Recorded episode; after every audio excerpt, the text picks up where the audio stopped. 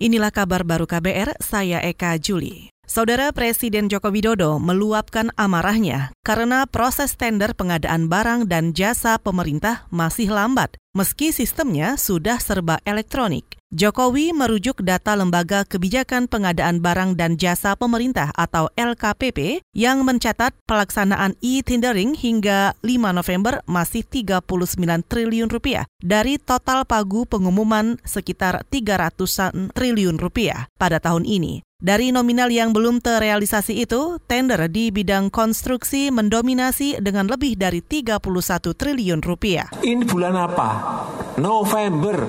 Masih ada e-tendering 31 triliun saya tadi lihat di tepuk tangan. Apakah mau terus kita ulang-ulang kayak gitu? Mindset kita masih mindset manual. Untuk apa? Apa gunanya e-procurement? Apa gunanya e-purchasing? Apa gunanya e-tendering? Buat apa kita bangun sistem seperti itu? Presiden Jokowi juga mengatakan urusan pengadaan barang dan jasa seharusnya sudah dimulai sejak pengalokasian pagu anggaran supaya tidak menumpuk di akhir tahun. Jokowi juga kesal karena pengadaan barang dan jasa untuk bidang infrastruktur ikut menumpuk di akhir tahun, padahal pembangunan konstruksi di akhir tahun akan menghasilkan kualitas bangunan yang buruk akibat dikerjakan saat musim hujan.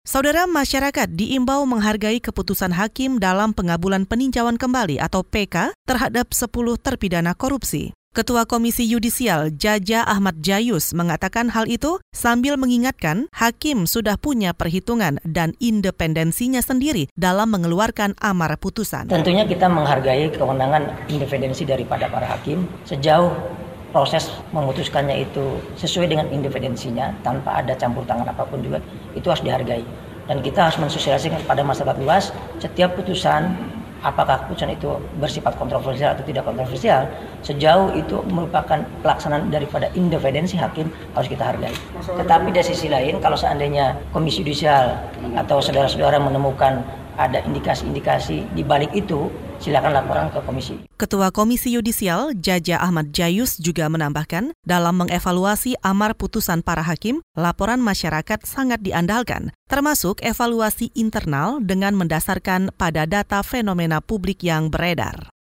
Saudara sejumlah limbah medis ditemukan berserakan di tepi jalan raya di kawasan hutan Taman Nasional Baluran, Situbondo, Jawa Timur. Kepala Dinas Kesehatan Situbondo Abu Bakar Abdi menjelaskan limbah medis yang dibuang itu misalnya jarum suntik dan tablet obat-obatan yang sudah kedaluarsa. Abu Bakar menyebut limbah medis yang dibuang sembarangan itu sudah beberapa kali ditemukan. Ya itu kesekian kalinya itu Pak. Jadi jika kita cari oknumnya itu modusnya apa itu kok sering dibuang di sana. Karena berulang kali, kadang ke laut, apa oknum apa memang sengaja menjelekkan Subondo. Ada protapnya bahkan kita tiap pusmas kita, kita kasih tulisan uh, limbah medis dibuang di sini gratis kita tampung di tiap puskesmas itu ada. Tapi ini sengaja kelihatannya. Kepala Dinas Kesehatan Situ Bondo, Abu Bakar Abdi, menyesalkan pembuangan limbah medis sembarangan karena sangat berbahaya bagi kesehatan masyarakat. Abu Bakar mengimbau masyarakat melapor ke aparat berwenang bila mengetahui ada pembuangan limbah medis sembarangan.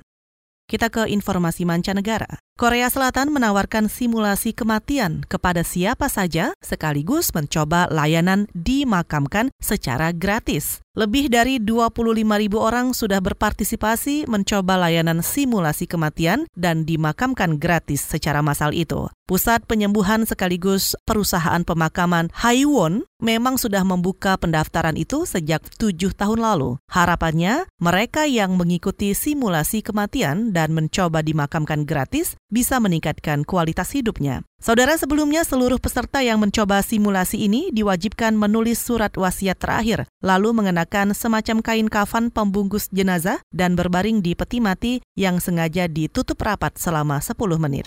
Saudara demikian kabar baru, saya Eka Juli.